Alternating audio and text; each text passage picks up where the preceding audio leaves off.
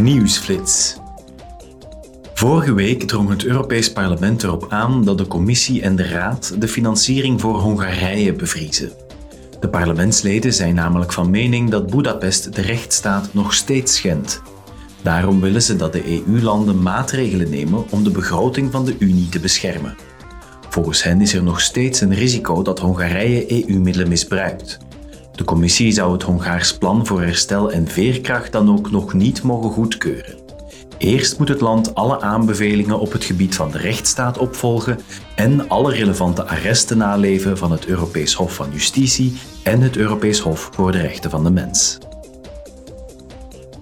Het Europees Parlement betreurt het overlijden van duizenden arbeidsmigranten in de aanloop naar het WK voetbal in Qatar.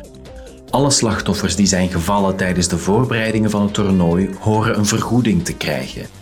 De parlementsleden wezen verder op de geloofwaardige beschuldigingen van omkoperij en corruptie bij de selectie van Qatar als gastland. Volgens de parlementsleden heeft FIFA het imago en de integriteit van het voetbal wereldwijd schade toegebracht.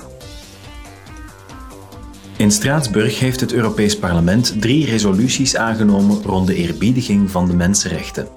De resoluties hebben betrekking op Afghanistan, Belarus en de Democratische Republiek Congo. De parlementsleden riepen de Taliban op om een einde te maken aan genderapartheid in Afghanistan. Daarnaast willen ze dat de Belarussische regering van president Lukashenko ophoudt de democratische oppositie te onderdrukken.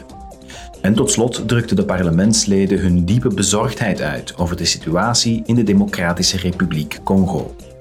Het geweld en de humanitaire situatie in het land verergert als gevolg van gewapende conflicten in de oostelijke provincies.